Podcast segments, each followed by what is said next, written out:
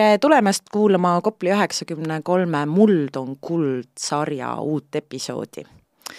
mullast oled sa võetud ja mullaks pead sa saama, et see ütlus ei ole vist kristlikus kultuuriruumis kasvanule väga võõras, aga võib-olla sisse juhatab väga hästi tänast teemat, mis ei puuduta küll otseselt mulda, aga puudutab äh, ringselt mõtlemist ja ringselt tegutsemist. mina olen Ingrid Nielsen, Eestimaa Looduse Fondi taastuvenergeetika ekspert ja täna on meil külas Harri Moora, Stockholmi Keskkonnainstituudi vanemteadur, Tallinna Keskuse vanemteadur ja programmijuht. ja Harri on äh, aastaid tegelenud äh, säästliku tootmise ja tarbimise teemadega ja viimastel aastatel siis keskendunud jätkusuutliku jäätmekäitluse ja ringmajanduse teemadele. tere tulemast, Harri, ja mis sind ikka veel selle ringmajanduse teema juures käivitab? Tere, tere kõigile, jah, tegelikult ringmajandus on ju äh, ka seotud äh, mullaga ja kõik, äh, mida me tarbime ümberringi, on ta siis looduslik või mittelooduslik, tegelikult tuleb ju üht või teistpidi maapõuest. ja mingil hetkel läheb ka sinna tagasi, nii et selles suhtes on see tõesti nii. aga mis mind käivitab, no võib-olla natukene seesama asi, et ka minu algharidus on seotud geoloogiaga, et ma olen ka otsapidi siis seotud erinevate materjalivoogudega ja jääriveeriga mulla tekkega, nii et äh, ringmajandus äh, ja geoloogia sobivad hästi kokku, see on mulle pakkunud huvi juba aastakümneid äh,, kunagi öeldi, et geoloogid on äh, need, kes siis käivad ka prügilas äh, nii-öelda prügi sortimas, õigemini need tegelased, kes elasid prügimäel, et need olid, neid kutsuti geoloog, geoloogidest, et päris geoloogid olid siis väga pahased, et neid selle nimega kutsuti, aga mulle jäätmed meeldivad ja ja nüüd äh, jäätmete uus lähenemine ehk ringmajandus, kuidas me siis saaksime siin planeedil toimetada nii, et meil res-, ressursse jaguks pikemaks ajaks, see on see olnud, mis mind on kütkestanud ja, ja viimasel ajal pidevalt motivatsiooni ja huvi pakkunud. põhimõtteliselt tahad sa tuleviku põlvkondade arheoloogidelt töö ära võtta? Jah, kindlasti, kui praegu, kui mina õppisin geoloogiat, siis Eesti on ju väga rikas fossiilide poolelt ja, ja meil on nii-öelda stratotüüpala, kus äh, teatud fossiilid on levinud ja selle läbi me saame ju maa ajalugu äh, määrata. tulevikus saab kindlasti olema üks äh, kas nüüd mulla- või maapõuekiht olema väga reostunud ja saastunud jäätmete poolest igasugu muu saastaga ja see saab olema kindlasti siis selline stratotüüp aeg või geoloogiline kiht, mis siis iseloomustab, iseloomustab tänast raiskavat äh, majandust. No loodame, et me suudame ikkagi mõningad protsessid sellest äh, peatada, et mitte vähemalt seda kihti juurde tekitada, aga räägi palun, kuidas see ringmajanduse mõte üldse Eestisse jõudis ja kuidas selle arengukõver siin on olnud?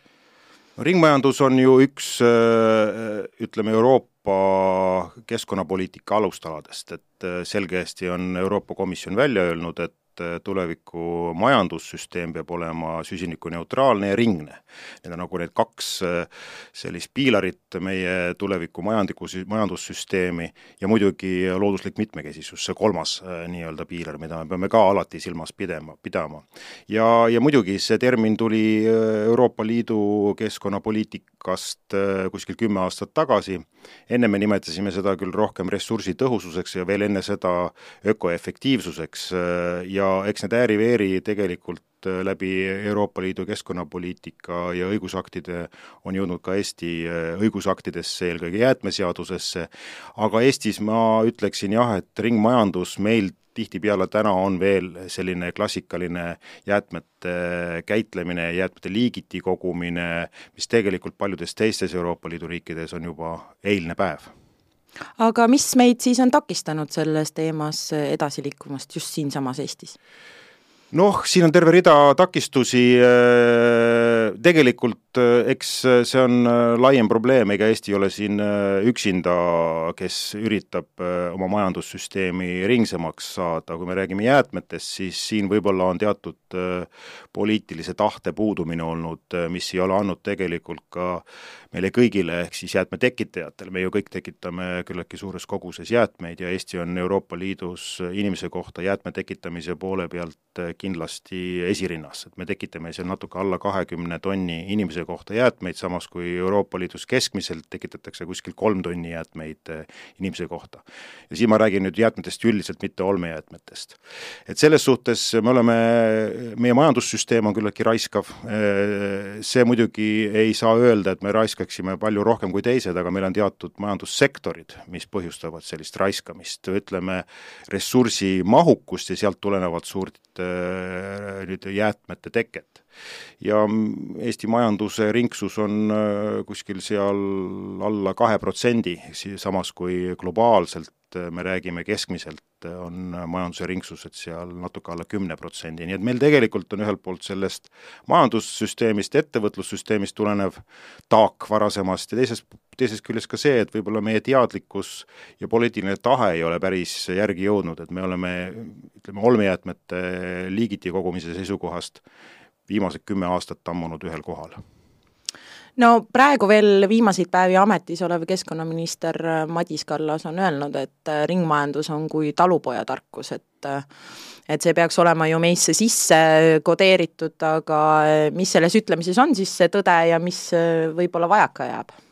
Jaa, noh, seal on palju tõde selles mõttes, et kui me räägime nüüd sellisest tulevikuringsest ühiskonnast, siis me peaksime väga palju tagasi vaatama, kuidas meie esised elasid, noh, räägime kas või sellest samast äh,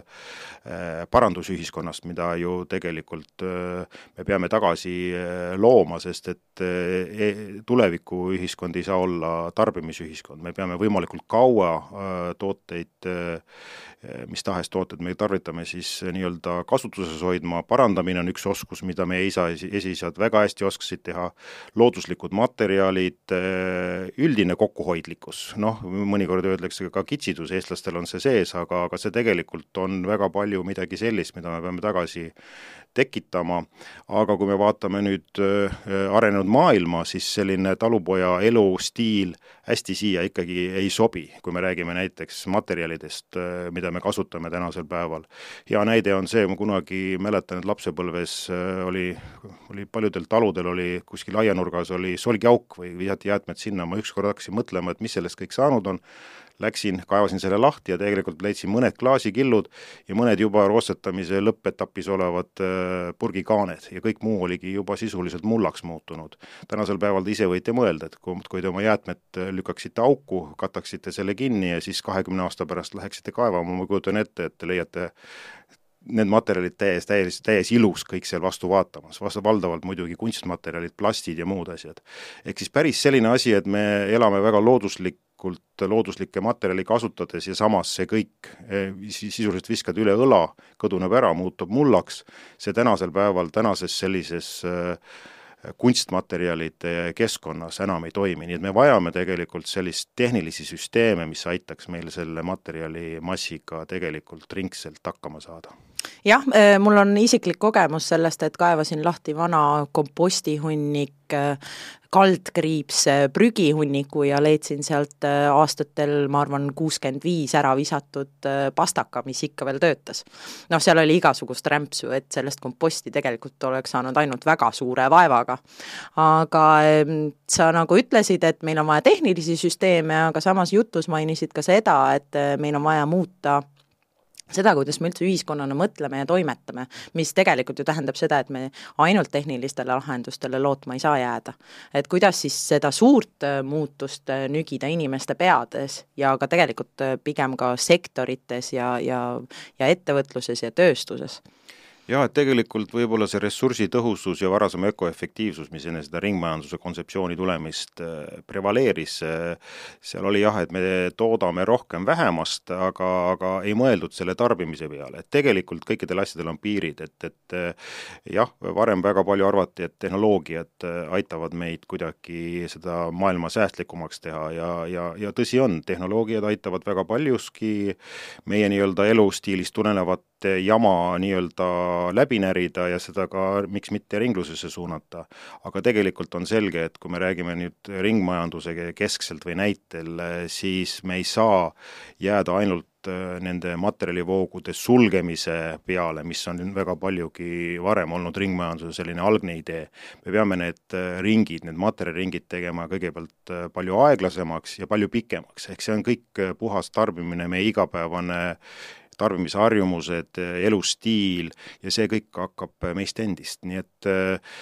ütleme, selle tõelise ringmajanduse poole liikumise osas on ikkagi valdav osa nii-öelda meie endi kätes ja tehnoloogiad saavad meid ainult aidata mm. -hmm. Samas Eesti ühiskond vist selleks väga valmis veel ei ole, et kuidas siis seda muutust äh, läbi hakata viima, et kas altpoolt üles või hoopiski ülevalt poolt alla? Tuleb mõlemalt poolt äh, seda initsiatiivi tekitada ja, ja ma arvan, et jube hea ongi kuskil seal keskel kokku saada, sellepärast et äh, kui ainult altpoolt üles tekitada seda initsiatiivi, siis vähemasti Eesti näitel äh, me kipume väga palju suusõnaliselt ütlema, et, et me oleme rohelised, me toimetame roheliselt, aga kõik viimased uuringud on siiski näidanud, et kogu sellise äh, rohelise ideoloogia kõrval äh, me ikkagi kipume olema küllaltki äh, raiskavad ja meie oma tegelikus äh, nii-öelda elupraktikas eriti ei kipu harjumusi muutma, et see on väga-väga raske probleem ja ma arvan, et üks suuremaid väljakutseid, kui me räägime nii-öelda ülalt alla poliitilisel tasandil, seda me saame ikkagi tekitada üpris kiiresti, ütleme õigusliku raamistiku loomine ja nii edasi, aga lõppkokkuvõttes ju ka poliitikud on need, keda meie valime, et siis ehk siis see on väga palju meie nägu, et siis äh, ütleme nii, et meie kui tavakodanike, tarbijate kätes on tegelikult see põhiline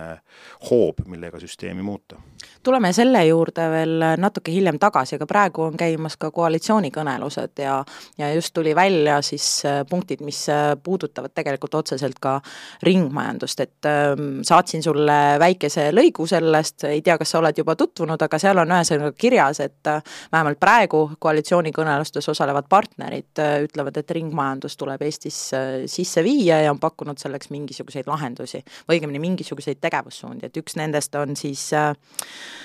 jäätmemajanduse digitaliseerimine näiteks. ja teine ka see, et saastaja maksab printsiibi rakendamine, et kuidas sa selliseid tegevusi hindad nagu selles suur, suures poliitika kujundamises, et kas nad toovad siis seda loodetud muutust või mitte? jaa, tegelikult mina ootaks hoopis teisi võtmesõnu sellelt, sellelt nii-öelda läbirääkimiselt, sest, sest see digitaliseerimine, saastaja maksab põhimõtte rakendamine, need on väga üldised sõnad, muidugi Eestis on suur vaimustus digitaliseerimise järgi, aga, aga teades seda jäätmekäitlust, jäätmemajandust ja nende erinevate jäätmevoogude liikumise komplekssust ja keerulisust, siis muidugi me võime hästi palju raha panna selle süsteemi digitaliseerimiseks, neid andmeid saada, aga tegelikult on palju lihtsamaid võimalusi, kuidas seda pro-, probleemi lahendada, nii et, et ma väga loodan, et, et, et nüüd kogu auri läheks kogu süsteemi digitaliseerimiseks ja lõppkokkuvõttes me tunnistame, et, et lihtsalt nii-öelda talupojatarkusega tehtavad asjad unustame siin kõrval ära, see on üks asi, ja muidugi saastaja maksab põhimõte on oluline, eks seda peaks muidugi rakendama ja see on ka tegelikult midagi sellist, mis meie inimestele, kes tihtipeale suus sõnaliselt kipuvad olema küllaltki rohelised, eh, aga me ju teame, et nii kui jäätmete äraveo hind hakkab tõusma, siis tekivad vastupidised eh, ühiskondlikud liikumised, eks ju, minnakse vaata et eh, kuskile Raekoja ette meeleavaldust tekitama, et tegelikult meie Eh, nagu üks probleeme on ka see, et meie jäätmekäitlus on väga liberaalne, see on ka poliitiline soov olnud ja sellest tulenevalt on ta väga odav, et, et, et, et see on ikkagi uskumatult odav, kui, kui vähe me maksame oma jäätmete nii-öelda äraviimise ja käitlemise eest noh, keskmiselt ütleme, kortermajas üks perekond maksab seal kaks-kolm eurot. Äh, kuus, see on üks kohvitass, eks ju, ja noh, kui me hakkame nii mõtlema ja võrdleme ka arenenud riikidega, siis see on väga-väga väike summa ja selle eest me ei saagi väga paljumat, palju paremat äh, teenust ja lõppkokkuvõttes ka see ringne süsteem kiratseb, nii et et me peame olema valmis ka oluliselt rohkem maksma ja, ja selles mõttes see saastaja maksab põhimõte on õige, nüüd on küsimus see, et mida poliitikud selle all mõtlevad, et, et ma mhm. võib-olla ei mõtle seda, mida mina ja võib-olla mõtlevad lihtsalt seda üldprintsiibina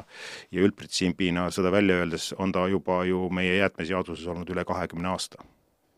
kui on olnud midagi nii kaua ja muutust ei ole tekitanud, siis kindlasti on seal suured lüngad, et just hiljuti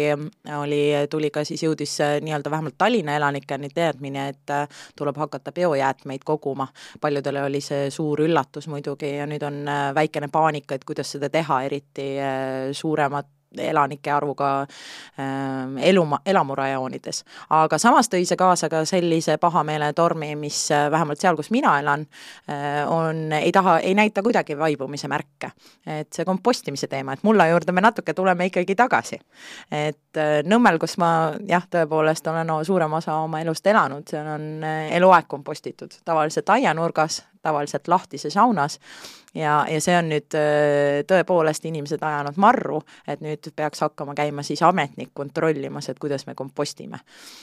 ja et see tegelikult väga hästi väljendab seda inimese ma ei taha nüüd kedagi solvata, aga sellist individualistlikku ja võib-olla natuke ka väikekodanliku äh, arv- või ütleme, meelelaadi. Äh, aga, aga tõesti, nii see on, et äh, selline aianurgas kompostimine, seda on inimesed teinud ju aastasadu, eks ju, ja, ja ma pean tunnistama, et isegi minul on suvila aianurgas just selline kuhi. ma olen kogu aeg endale üritanud sisestada öelda, et see ei ole kõige parem viis. sellises nii-öelda hunnikus komposteerima, kui need nüüd aiajäätmed on, siis ei ole see nii hull, aga kui me hakkame seal toidujäätmeid samamoodi kompostima, siis me tegelikult tekitame prügile ka võrdväärse keskkonnamõju. et, et see, et see, et see nii-öelda kasvuhoonegaaside emissioon kodukompostimises sellisel kujul on, on väga suur ja tegelikult paljud inimesed ei teadvusta seda endale, et, et, et see ei ole kõige mõistlikum viis äh, oma biojäätmeid äh, käidelda. ja kui muidugi harjumus on suur ja sealt muidugi see solvumine ja võiks öelda lausa viha, ma olen siin isegi selliseid äh, väga selgeid äh, vihapusatusi näinud, eks ju, võib-olla siin peaks ka neid inimesi natukene nagu selgitama seda tausta mm, -hmm. et, et, et ja, ja kas on see kõige parem, et tegelikult ei ole ju raske endale korralik komp-, komposter soetada, kompostri soetamise juures peab olema ka väga distsiplineeritud, sa pead seda ikkagi pidevalt regulaarselt segama, elama ehk õhu õhutama, sealt või muidu tekib äh, jällegi neid samu kasvuhoonegaase, eks ju, metaani heidet ja nii edasi, ehk siis, äh, ehk siis tegelikult äh, ütleme, Põhjamaades, paljudes, eriti suuremates linnades on hakatud tagasi minema, et sellist massiivset kodukompostimist, mis siin üks kümme-viisteist aastat tagasi ka õhutati, kuna noh, teistes riikides see biojäätmete liigiti kogumise teema on ju pikaajaliselt tegelikult lahendatud, on tegelikult selline tsentraalne kompostimine tunduvalt tõhusam, parem ja ka keskkonnamõju äh, osas positiivsema mõjuga. nii et äh, muidugi, keegi ei taha inimeselt seda õigust ära võtta, äh, minul on alati hea meel näha neid päris tegelikke kompostijaid, kes ka selle tegelikult ilusasti ära teevad, selle kompostiga tegelikult kasulikult äh, nii-öelda mulla parandajana, ütleme mulla parandajana, sest et tihtipeale jah, see ei ole väga kvaliteetne, näiteks äh, kompost, mida te oma lehtedest ja muudest teete, seda ei saa isegi kompostiks nimetada, et see on niisugune väga madala äh, viljakusega või ütleme, mineraalide sisaldusega võib-olla selline mulla moodi asi, komposte kindlasti ei ole. et tegelikult peaks harima neid inimesi ja, ja, ja nendele, kes õigesti seda teevad, nendele au ja kiitus ja, ja see peab minema tegelikult tagasi teie porgandipeenrasse. ja neid on, neid, neid majapidamisi on küll, kes tegelikult ka kasvatavad oma hoovi peal, aga mina näen üha rohkem ja rohkem ikkagi niisugust golfimurulaadset äh, tagahoovi, kuhu seda komposti lihtsalt ei ole kuskile panna ja ma tean ka, et minu naaber selle nii-öelda komposti lihtsalt paneb augu täiteks, eks ju, ja see on ka küsimus, et kas see on kõige parem. nii et äh, nüüd sa avasid Pandora laeka ja võib-olla ma saan nüüd äh, sugeda ja sarjata paljude inimeste käest, aga aga see ongi see, miks see mu töö üks roll ongi seda infot levitada ja tegelikult panna kaasa mõtlema, et saada aru, et, et äh, mis selle tegevuse tegelikud mõjud on ja kuidas seda võiks paremini teha mm. -hmm. ikkagi jääb suuremas osas see inimeste teadlikkuse taha see, et kas asja tegevusel on mõtet või, või mitte. et ma ei tea, kas seda on nüüd õige hakata lahendama sellega, et ametnikud käivad, mõõdavad kompostikastide suurust ja nii edasi, et võib-olla tõepoolest see teadlikkuse kasvatamine on üks olulisi alustalasid selleks, et üldse mingisugune muutus saaks toimuda. aga samas me teame, et ega meil väga palju aega ei ole. ja Euroopa Liidu poliitikad on läinud karmimaks ka selles suhtes, et milliseid eesmärke me seame ja kuidas me nende eesmärkide täitmiseni jõuame jõuame. aga võib-olla see ongi väga hea sissejuhatav koht küsidagi sinu käest, et et kuidas me siis peaksime neid äh, muutusi ühiskonnas nügima, et äh, me teame, et meil on mitme, mitu erinevat tasandit, meil on indiviidi tasand, meil on äh, kodanike vabaühenduste tasand, mis on ka ühesõnaga Kopli üheksakümmend kolm on hea näide sellest,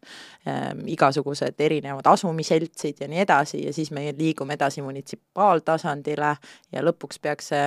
see nii-öelda nügimine ka kuskilt äh, hakkama tulemusi tooma, aga kuidas see siis Eestis äh, toimub, selliste suurte muutuste nügimine, et mis see mõistlik viis on sellega toimetada?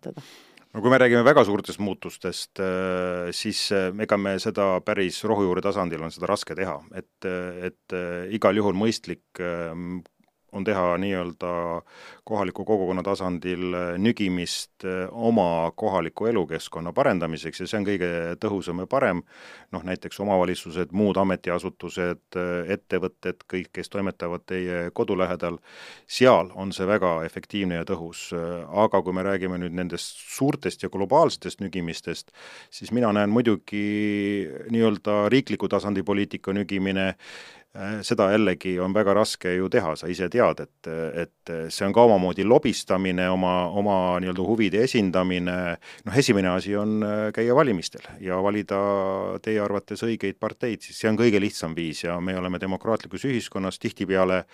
meile tulemused ei meeldi, aga nii me peame seda võtma ja, ja siin ei ole midagi teha ja selline mõne inimese kibestumine võib-olla, see ei ole minu arvates asjakohane, et me peame siin siiski väga selgesti eh, nagu seda rolli täitma. ja teine asi, miks mitte, nagu sellised organisatsioonid nagu ELF, eh, muud eh, väga head tööd teevad ja nii-öelda watchdogidena jälgivad, mida poliitikud teevad, ülihea ja ma arvan, et Eestis on sellise taseme organisatsioonide tegevus muutunud täiesti maailmatasemel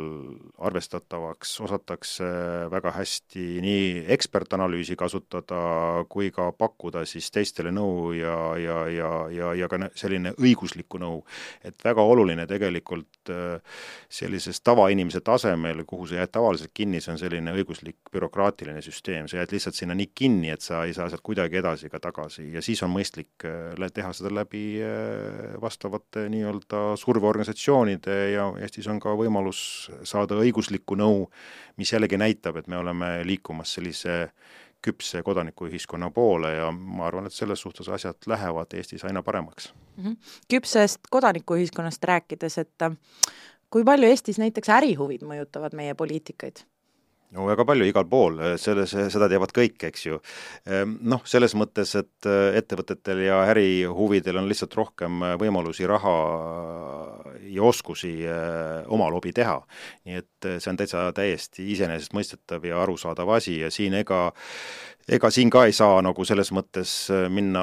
noh, väga kriitiliseks, me, see tuleb lihtsalt, sellega tuleb arvestada ja, ja noh, kodanikuühiskond peabki seda nii-öelda oskama läbi näha äh, ja teha siis vastavalt, kas siis näidata seda paremini, reageerida sellele ja osata ka poliitikuid korrale kutsuda. ma arvan, et Eestis noh, ütleme sellist väga korruptiivset äh, asja ei ole, aga meil on, mis me näeme ka nüüd sealsamas jäätmekäitluse ringmajanduse valdkonnas, et, et huvid on suured ettevõtetel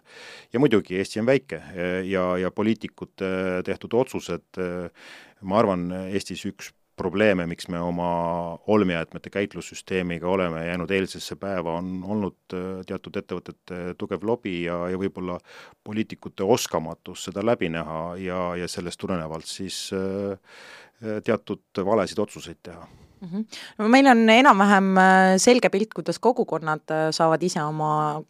kohalikku elu organiseerida, aga teada on ka see, et äh, kohalikel omavalitsustel tihti puudub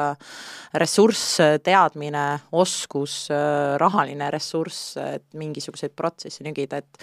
et et äh, seal on omajagu äh, probleeme, mida on vaja lahendada, aga kuidas sa ise näeksid, milline võiks olla kohalike omavalitsuste roll selliste kas või jäätmekäitluse teemadel või ringmajanduse teemade äh, käivitamisel ja juurutamisel? no väga, väga oluline, kui me räägime olmejäätmete käitlemisest, ringsusest, ringlussevõtu edendamisest, liigiti kogumise edendamisest, miks mitte sellesama biojäätmete teema positiivselt inimesteni viimisest, see kõik tegelikult on omavalitsuste roll, igal pool arenenud riikides omavalitsused on need esimesed partnerid, omavalitsus ühelt poolt peab, ja ta ka on seadusega lausa täna siin Eestis öeldud, et, et ta peab seda keskselt korraldama, planeerima, probleem Eestis on pigem selles, et, et, et just nende samade poliitiliste otsuste tagajärjel ja võib-olla ka teatud huvirühmade või ütleme, laiemalt ettevõtete lobi tulemusel on e-, Eestis Euroopas võrreldes teiste Euroopa Liidu riikidega omavalitsuste õigused keskselt äh, nii-öelda jäätmete, jäätmekäitlust suunata kõige väiksemad. ja, ja noh, tegelikult kui me vaatame natukene laiemalt, siis me ju näeme ka selles suhtes, et Eestis on omavalitsused nõrgad, et tihtipeale võib-olla äh, ka kodanikuorganisatsioonid, ühendused on väga kriitilised, aga me peaksime ka siin nagu vaatama ja võib-olla isegi kaasa mõtlema ja ka võib-olla survestama, et, et, et me saaksime selle omavalitsuse, mis on ju tegelikult meie, meie omaenda ütleme, nii-öelda elu korraldamise organ, omavalitsuse eesmärk on tagada meile elamisväärne ja mõnus äh, elukeskkond, eks ju, ja me ise ju need inimesed sinna valime, et me saaksime ka selles suhtes kaasa mõelda, et kuidas me saaksime selle omavalitsuse paremaks teha. Äh, et äh, ja seda ressurssi saada. ja noh, muidugi ma kujutan ette, et tänases valitsuskoalitsiooni läbirääkimises on ka see laua peal, et kuidas me saame neid tänaseid omavalit-, Eesti omavalitsusi selles mõttes tugevamaks teha. põhiprobleem on jah, ressursside vähem, vähesus, pädevuse vähesus ja paljud lollid otsused ja, ja asjad tekivad just selle pinnalt, mitte niivõrd isegi mingisugusest pahatahtlikkusest või vastutöötamisest jah, selles suhtes võime me olla nagu rõõmsad, et meil sellist korruptiivset mõtteviisi väga palju ei ole. küll aga sul on täiesti õigus, et see poliitiline tõmbetuul ja, ja sellised äh, hektilised otsused äh, on teadlikkuse ja teadmiste taga tihti, aga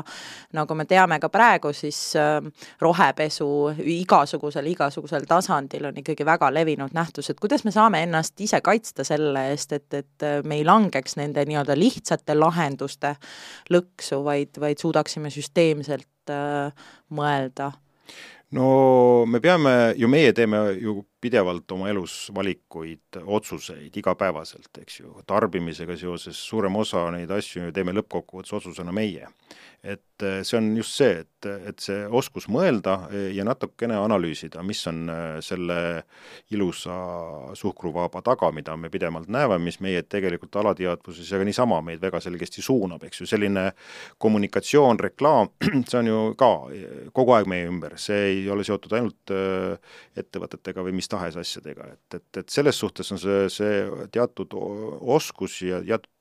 elementaarne arusaam, kuidas asjad toimivad ja oskus nende erinevate sõnumite taha vaadata. ja muidugi ka nõuda, et, et need, kes meile neid teenuseid, tooteid pakuvad, oleksid rohkem läbipaistvamad, et me seda informatsiooni rohkem saaksime ja, ja, ja et seda lihtsalt pakutakse, mitte väga keeruliselt ja ühekülgselt. Mul on hea meel tõdeda, et jällegi, et Eesti olles osa Euroopa Liidust, tegelikult Euroopa Komisjon ja Euroopa Liit üldisemalt plaanis ikkagi järk-järgult survestab ka ettevõtlusmaastikku muutuma rohkem läbipaistvamaks ja me näeme väga selgesti, et väga paljud ettevõtted on sellest aru saanud, on aru saanud, et tegelikult tarbija on tark ja otsib nagu suurema väärtusega toodet ja väärtus ei ole tänasel päeval enam odavas hinnas või siis kvaliteet, heas kvaliteedis, vaid seal on ka muud, mitmed muud aspektid, eks ju. just see jätkusuutlikkuse dimensioon ja tegelikult on hakanud palju avatumalt äh, ka suhtuma, nii et tegelikult äh, see rohepesu on ja jääb, aga kindlasti on see parem, kui me ei saaks üldse mitte mingisugust informatsiooni ja nüüd, mhm. nüüd me peame olema targad tarbijad. kompetents ja läbipaistvus, kaks võtmesõna siin jah, ja te kindlasti jällegi eh, kodanikuühiskonnad, kes tegelikult eh, tegeleks ka selle poolega, näiteks eh, ega selles ringmajanduse valdkonnas väga palju kodanikuühiskondasi või ütleme, nende tegevust on vähem, et nagu sa ise tead, eks ju, mets, looduslik mitmekesisus, looduskaitse, energia vähehaaval, aga ka selles osas ju väga palju sellise kodanikuühiskonna vaadet ei ole, eks ju, et ja veel vähem võib-olla need äh, jäätmed ja, ja ringmajandus, sest see tundub äh, väga keeruline meile olevat, äh, samas kõik inimesed arvavad, et nad on ise suured spetsialistid selles valdkonnas, aga ma näen järgimööda, et, et ei saa ajakirjanikud ja veel vähem poliitikud sellest asjast aru. Ja sellest tulenevalt võib-olla ongi, vajab see seda tead lihtsustatud selgitamist ka näiteks sellisele tänapäevasele tarbijaühiskonnale, meile kõigile, et tegelikult miks on vaja otsuseid teistmoodi teha ja miks me peaksime oma käitumist käitumist muutma mm. -hmm. me elame kobarkriisides ja see on nüüd päris selge, et ega need, see ei ole meil siin, koroona ei olnud meil viimane kriis, praegu on äh, sõda Euroopas et äh, tõenäoliselt neid äh, kriise tuleb aina juurde, nii räägib ka meedia. ja siin äh, tekibki väga paljudel inimestel selline jõuetuse tunne, et pidevas kriisis elades, vaadates, kuhu lähevad rahavood, tihti just nendesse teemadesse, mis on parasjagu hästi aktuaalsed, aga mis ei lahenda meie suurt kliimakriisi ega ei aita kaasa ühelegi teisele looduslikule kriisile,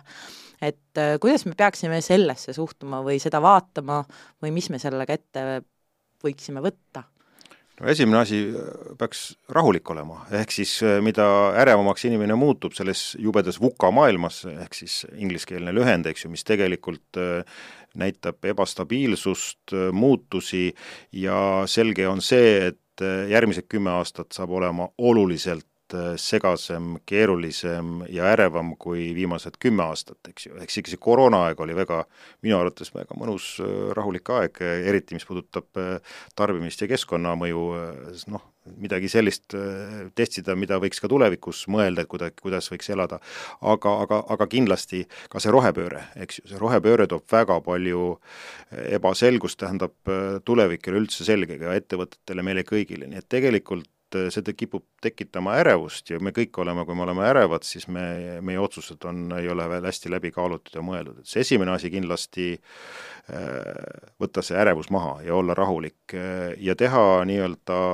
rahulikke otsuseid ja mitte ülepeakaela asju otsustada. Et mina arvan, et see on paratamatu, kui me vaatame tagasi, kuigi jah, kipub meie tuleviku äh, planeerimine kipub ka olema niiviisi, me kihutame kiirakeeralisel teel ja vaatame ainult tahavaatepeeglisse, aga taha, taha, taga, ta, tagasi vaadates me näeme ju erinevaid perioode ja tegelikult äh, alati tasub mõelda ka oma vanavanemate peale, kes on võib-olla kauem elanud ja vaadanud, milliseid kriise nemad on läbi elanud ja kuidas nad on hakkama saanud, et tegelikult siin on väga palju sellist common sense'i, rahu eelkõige ja, ja, ja mõistlikkust, ega ma muud ei oska soovitada, aga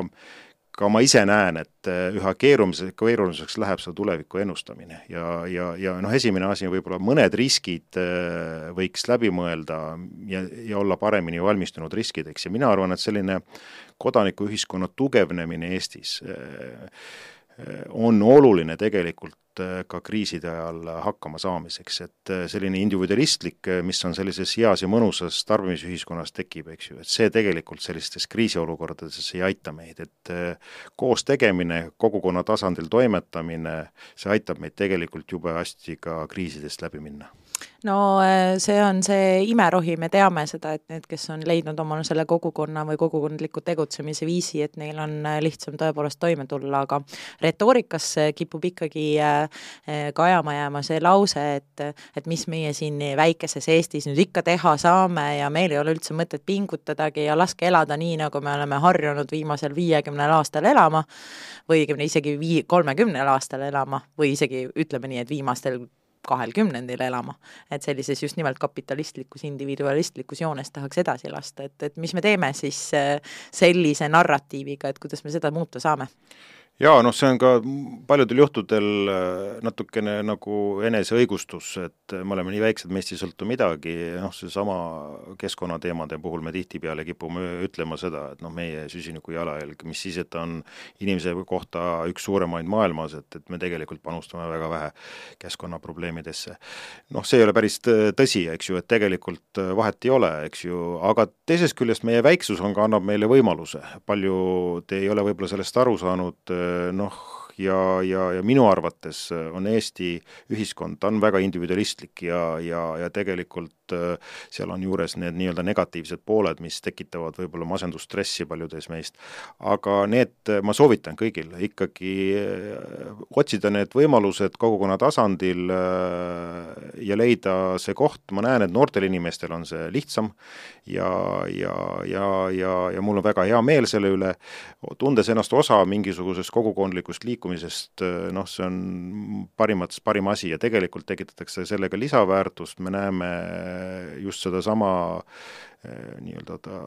meelerahu tekkimist, Eestis tegelikult väiksuse poole pealt vaadatuna on, on ka ütleme, sellises globaalses mõttes äh, ka ettevõtluse arendamisel teatud nii-öelda, miks mitte ringsete süsteemide testimisel, lahendamisel väga palju positiivseid pooli. mina arvan, et Eesti sellisel kujul pakub ideaalse koha elamiseks, äh, kõige mõnusam on see, et siin ei ole äh, kõiki neid globaalseid probleeme, mida, mida tegelikult äh, paljudes teistes riikides me juba täna näeme. ja me peaksime kõik tegema see, kõik endast sõltuva, et, et meil see võimalikult leebe see tulevik oleks ja et see, see keskkond ja elukeskkond sellisena säiliks, nii et mina nii kriitiliselt üldse ei vaataks, minu, mulle, mulle meeldib väga väikses Eestis elada ma olen sinuga nõus, ma arvan, et Eesti pakub väga suuri võimalusi suurte muutuste loomiseks. aga kui me tuleme nüüd natukene ringmajanduse juurde tagasi, et mis need asjad oleksid siis, mis võiksid äh, kogukonna tasandil inimesed ise algatada ja ära teha? Mulle väga meeldib ja ma olen kogu aeg ja see, seesama parandusühiskond, see on äh, fantastiline asi, mida tegelikult võiks uuesti leiutama või uuesti leidma hakata. Äh, see on äh, noh, jah, ma siin mõned näited, tegelikult Eestis jällegi võrreldes võib-olla siinsamas lähedal oleva arenenud riikidega, meil on tegelikult säilinud veel teatud oskused noh, vanavanemate, vanemate osk-, läbi eelkõige, nooremad inimesed on neid oskusi hakanud kaotama ja see tuleks tegelikult kindlasti tekitada tagasi. Noh, ma ei tea, kas tänapäeval vaevalt, minu, ma pole küll kuulnud, et mu tütre käsitöötunnis soka, sokikanna õmblemist õpetatakse näiteks millal sa viimane kord ise niidi ja nõela kätte võtsid? eile, ma parandan no. oma laste sukapükse kogu aeg. no vot, vot, sina peaksid olema eeskuju, aga, aga ma olen paljudel juhtudel küsinud ja inimesed ütlevad, et ma ei leiagi enam niiti nõela, eks ju, mm. kodust ülesse. rääkimata siis veel keerulisematest asjadest, ehk siis selline oskus tegelikult sedasama vana, vanemate moodi elada, parandada, ise äh, peaga mõelda ja, ja hakkama saada, need on need oskused, mida meil on vaja ja, ja siin kodanikuühiskond nüüd ma näen, kui on tekkinud erinevaid initsiatiive, eks ju, seesama Kopli, eks ju, mõnus keskkond, ma ise olen kogu aeg tahtnud, võtnud hoogu, et läheks ka sinna. minu probleem on, et mul pole aega üldse, aga ma luban, et siin lähiaastatel ma hakkan mõnusamalt elama ja, ja kindlasti ka lülitun sellistesse kogukondlikesse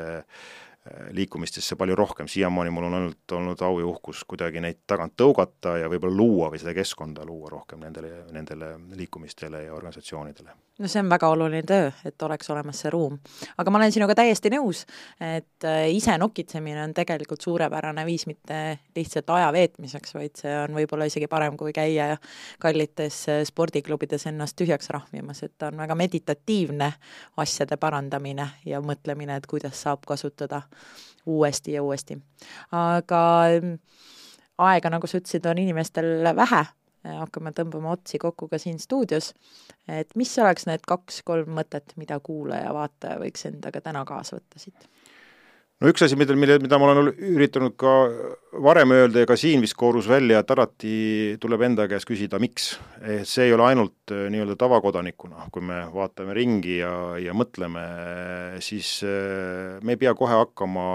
asju parandama. Eh, ennem võiks küsida enda jaoks, miks, see kehtib ka ettevõtete jaoks, et kui me näeme täna ka ettevõtete nagu selliseid ärimudeleid, siis tihtipeale on selge, et, et on jäädud see miks küsimus esitama vastamata. ehk siis eh, miks kõigepealt ja siis võiks proovida vastata kuidas ja olla siin tegelikult eh, keskkonnahoidlik, säästlik ja, ja tagasi, miks mitte siis tagasi pöörduda esivanemate oskuste juurde ja aidata läbi selle oma tarbimise harjumusi muuta ja seeläbi siis ka tegelikult ringsesse tulevikku panustada aitäh sulle, Harri, väga huvitava ja infotiheda vestluse eest. kuulake kindlasti äh, uuesti Kopli üheksakümmend kolm Facebooki lehelt leiate veel palju huvitavat informatsiooni mulla kohta, seal ilmuvad ka kõik episoodid, mis Muld on kuld raames äh, kokku pandud on ja jagage, likeige, mõelge kaasa ja tegutsege ja kohtume juba homme uues episoodis.